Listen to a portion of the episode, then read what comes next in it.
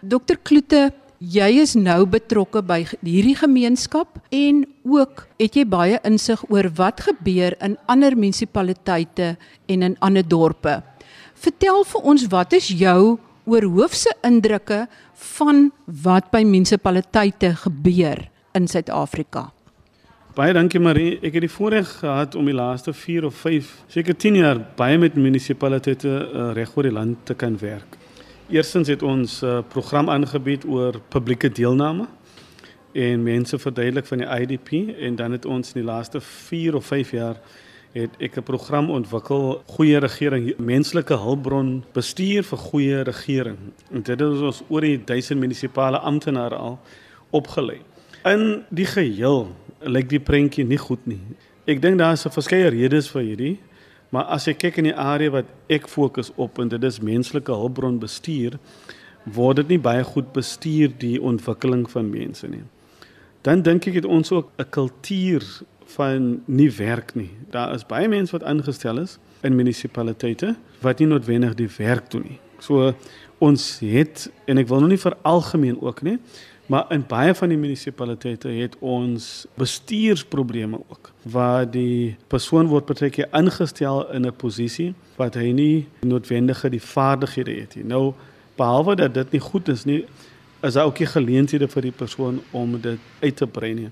Maar aan die ander kant wil ek ook sê dat daar is ook baie goeie voorbeelde van waar daar wel ontwikkeling plaasvind. Ek het die ander dag in die Senko munisipaliteit in die Ooskaap het ek 'n gesprek mee gehad met die burgemeester daar, sowel as met die munisipale bestuurder en die hooffinansiële beampte. En hulle doen uitstekende werk want hulle het 'n kultuur geskep daar van werk. Daar's ook 'n goeie kultuur van gevolge. As jy nie op werk doen nie, dan is daar gevolge. En so wanneer dit werk, werk dit en wanneer dit nie werk nie, dan werk dit ook nie. Dokter Kloete, jy het nou baie al te doen gehad met die munisipaliteite, maar wat sien jy as 'n oplossing? Hoe swaai ons hierdie hele ding om? Een van my gunsteling skrywers is John Maxwell. Hy sê everything rises and falls on leadership. Die vis vrot van sy kop af. Dit is leierskap, politieke leierskap en politieke volwassenheid om met ander mense saam te werk wat nie noodwendig saam met jou stem nie. As ons kyk na die geskiedenis van ons land na 94 dit was 'n koalisieregering. Dit was 'n regering van nasionale eenheid. So om hierdie skip te laat werk het jy nodig politieke leierskap. Maar dan het jy amptenare nodig wat die werk kan doen, wat bevoeg is om die werk te kan doen. En daai skeiding is so belangrik. Daar moet politieke oorsig wees en dan moet dan ook wees goeie administratiewe leierskap. En dan die derde been, jy weet 'n munisipaliteit word definieer as drie rolspelers 'n politieke leierskap, administratiewe leier en die gemeenskap. So die gemeenskap in baie kere is nie bewus van hulle regte en hulle verantwoordelikheid nie. En dat 'n munisipaliteit word gedefinieer met hierdie drie sleutelrolspelers. En hulle moet mekaar aanspreekbaar hou en verantwoordbaar hou. En dit is hoekom ons het 'n baie goeie struktuur hier wat praat van verteenwoordigende demokrasie waar ek mense instem om vir my te gaan verteenwoordig, maar dan eindig my rol nie daar nie. Ek het ook 'n verantwoordelikheid wat ons noem deelnemende demokrasie waar ek kan deel uitmaak van beleidsmaking en gekonsulteer moet word oor die beleidsraamwerk en die beleidsrigting van 'n munisipaliteit.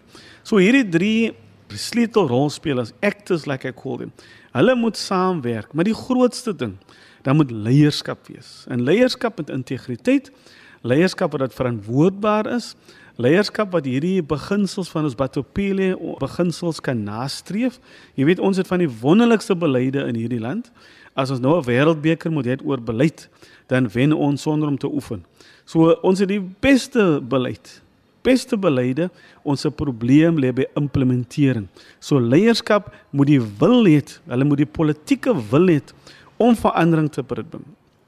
Hy moet die administratiewe wil hê om te sê dit is moontlik. You know, politics is the art of the possible, het Aristotle gesê. So ons moet die kollektiewe wil hê om dit te laat werk. Wanneer daar leierskap is, soos in die Senko munisipaliteit.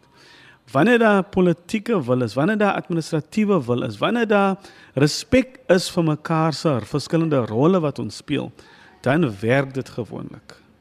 Dokter Kloete, dis nou naby aan verkiesingstyd. Nou gaan daar nuwe raadslede verkies word en nuwe burgemeester. Ons sal nou sien of daar dan nou nuwe amptenare ook aangestel word en ons hoop dat die amptenare wat nie aangestel word wel oor die vaardigheid beskik om die werk te doen wat hulle moet doen. Maar wat kan die gemeenskap nou doen na die verkiesing om seker te maak dat die dienste gelewer word, dat die munisipaliteit die funksies verrig wat hulle veronderstel is om te verrig? Waar begin jy uit die gemeenskap om daai druk toe te pas en ook verantwoordelikheid te neem vir die dinge waarvoor jy verantwoordelikheid moet neem? 'n Munisipaliteit word bestuur deur 'n 5-jaar strategiese plan wat genoem is die geïntegreerde ontwikkelingsplan. En hierdie plan is die munisipaliteit se blou druk vir die volgende 5 jaar oor wat hy gaan doen. So eers doen hulle analise om te kyk hoe lyk die verskillende wyke. As jy na my stem nou luister, dan woon jy in 'n wyk. Daar's 'n munisipale grens, maar dan is daar wyke. So elke wyk het dan 'n wykskandidaat wat hy voorgestem het of nie voorgestem het nie. Nou daai wykskandidaat moet dan die politieke volwassenheid om ook die wyksraadslid te wees vir ook vir hulle wie hom nie gestem het nie. Dan het ons 'n baie goeie stelsel soos ek gesê het, die deelnemende demokrasie dat ons het 'n wykskomitee. So wanneer die wykskomitee verkiesing is, maak jouself verkiesbaar. Gewoonlik is dit so 10 uh, sektore wat hulle verteenwoordig, verteenwoordig van jeug, van die veiligheid, van sport, van vroue, wat hulle ook al besluit. So munisipaliteite het so 20 jaar ondervinding van hierdie wijkkomitee stelsel. So die belangrikste is dat tussen verkiesings moet Suid-Afrikaners betrokke bly in 'n regering. Regering beteken die verhouding tussen die wat in regering is en hulle wat regeer word. So dan moet goeie regering wees en die gedragsraamwerk vir goeie regering is goed soos deursigtigheid. Onthou jou raadslid doen nie vir jou 'n guns as hy vir jou inligting gee nie. Dis wat hy moet doen. There must be transparency. Daar moet deursigtigheid wees. Daar moet goeie kommunikasie wees. Jy moet jou goed wat jou kwel op die agenda kan plaas en dit is hoe hulle 'n wijkplan uitwerk.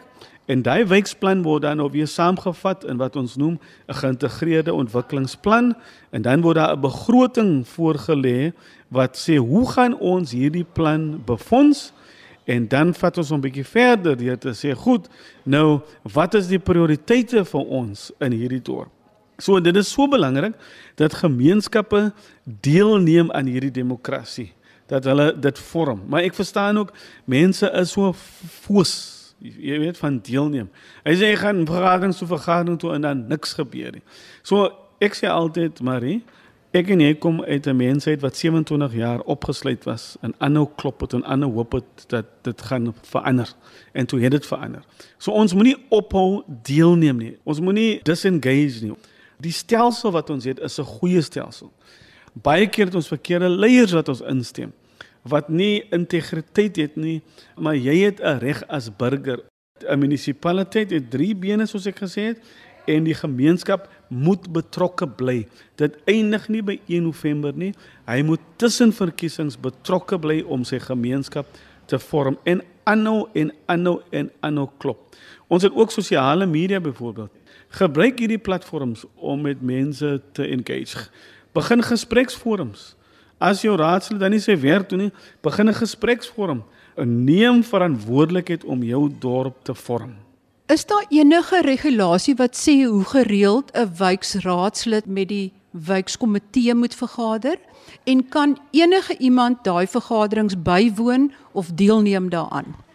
Die groot geheim is elke munisipaliteit het mos nou eintlik sê beleidsraamwerk, maar een keer 'n maand.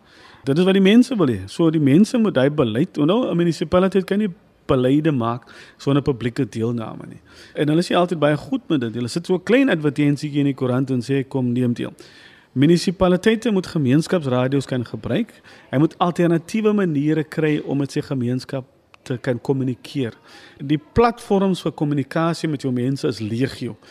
Ek dink party munisipaliteite of party politieke partye vereis dat die wijkraadslid een keer 'n maand met sy mense moet vergader of een keer 'n kwartaal. Ten minste een keer 'n kwartaal moet die raadslid 'n vergadering hê met die wijkkomitee om daar nou terugvoering te kan gee en om ook nuwe sake te kan hê. So dis eintlik 'n baie dinamiese proses waar daar goeie wisselwerking is tussen die wijkraadslid en die wijkkomitee wat nou die belange van die gemeenskap in daardie bepaalde wijk dan indra as dit ware.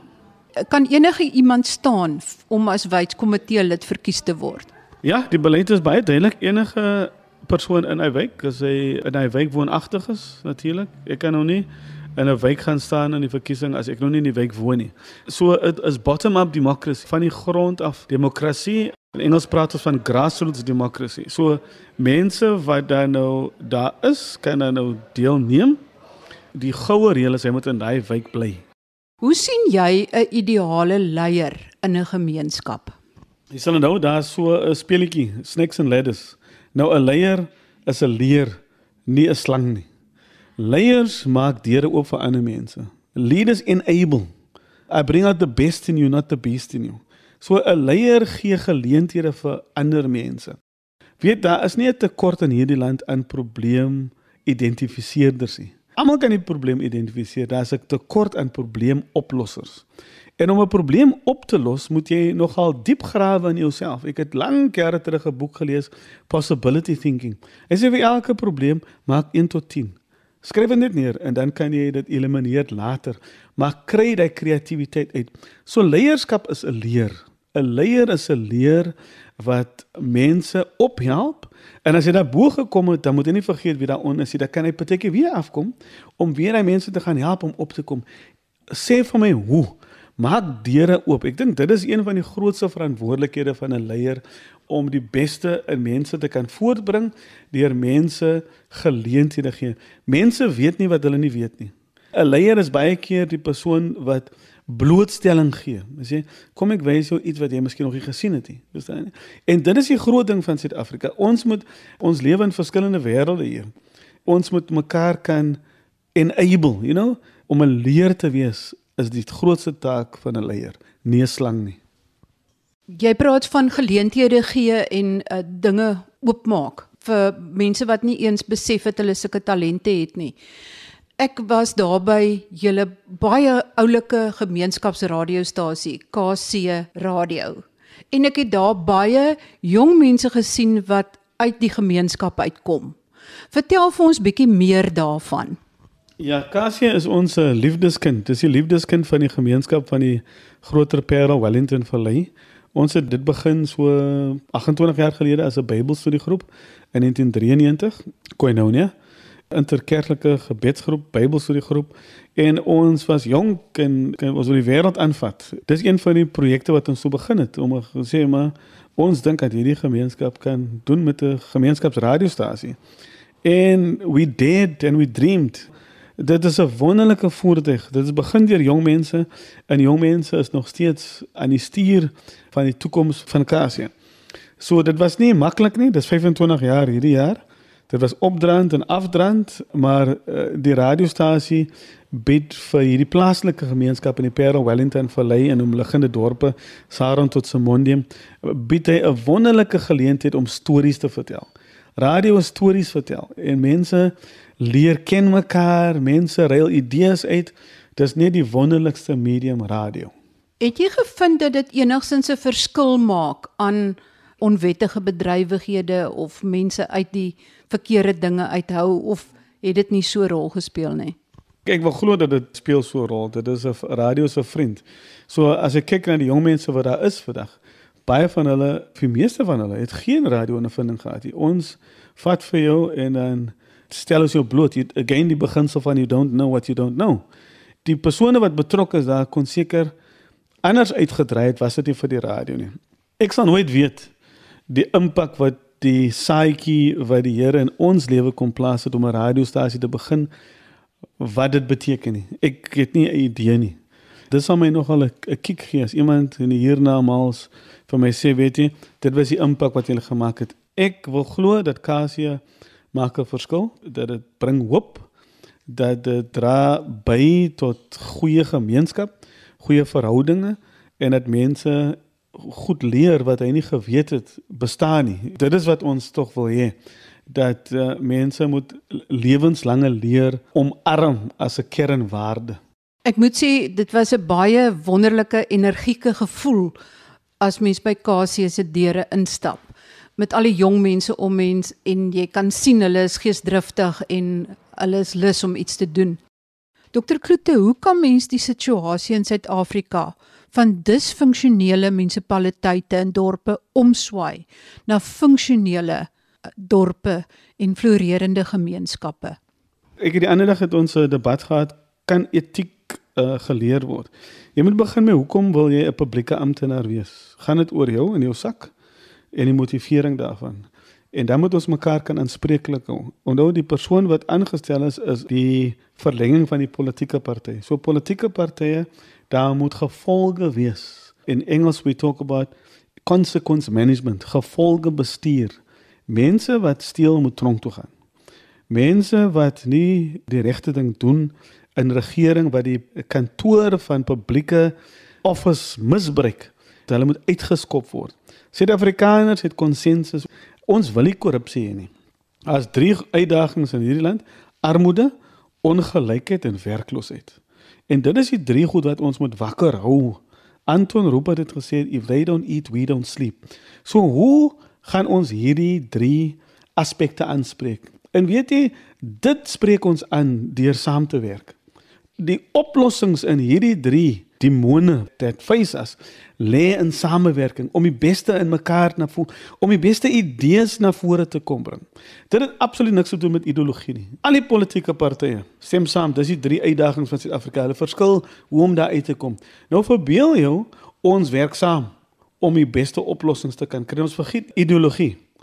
Dit het niks te doen met ideologie nie. Dit alles te doen met die wil en politieke wil, administratiewe wil. As ons kon stadiums bou in 2010 vir die wêreldbeker sokker wat van party van hulle is nou wat olifante. Daar was wil, daar was samewerking tussen regering, tussen die besigheid en tussen gemeenskap. Maar dan moet mense nie steel nie, want dit ontmoedig mense om betrokke te raak. So 'n regering het 'n groot verantwoordelikheid, maar die besigheidswêreld het ook 'n groot verantwoordelikheid. Korrupsie takes two to tango. Vir elke korrupte publieke amptenaar is, is daar 'n korrupte besigheidspersoon wat die koffertjie gee. Ons moet ons morele etiek terugkry en dit is om die regte ding te doen. Is daar genoeg goeie mense in die land? Absoluut. Die oorwegende Suid-Afrikaner wil 'n goeie lewe hê. Hy wil 'n dak oor sy kop hê. Sy wil die kinders kan skool toe stuur en die kinders in 'n veilige omgewing grootmaak. Die deursnee Suid-Afrikaner wil hierdie goed hê is 'n klein minderheid wat die headlines maak. Daar's 'n Engelse saying wat sê for evil to triumph, good people must do nothing. Ons moet nie opgee nie. Ons moet elke dag probeer. Ons moet aanhou werk. Een van my favorite cartoons is Pinky and the Brain. En dan sê uh, Pinky aan die einde van elke program, wat doen ons môre aan? Dan sê the same thing we do every night we try to take over the world. We must not stop trying. Ons moenie ophou probeer nie.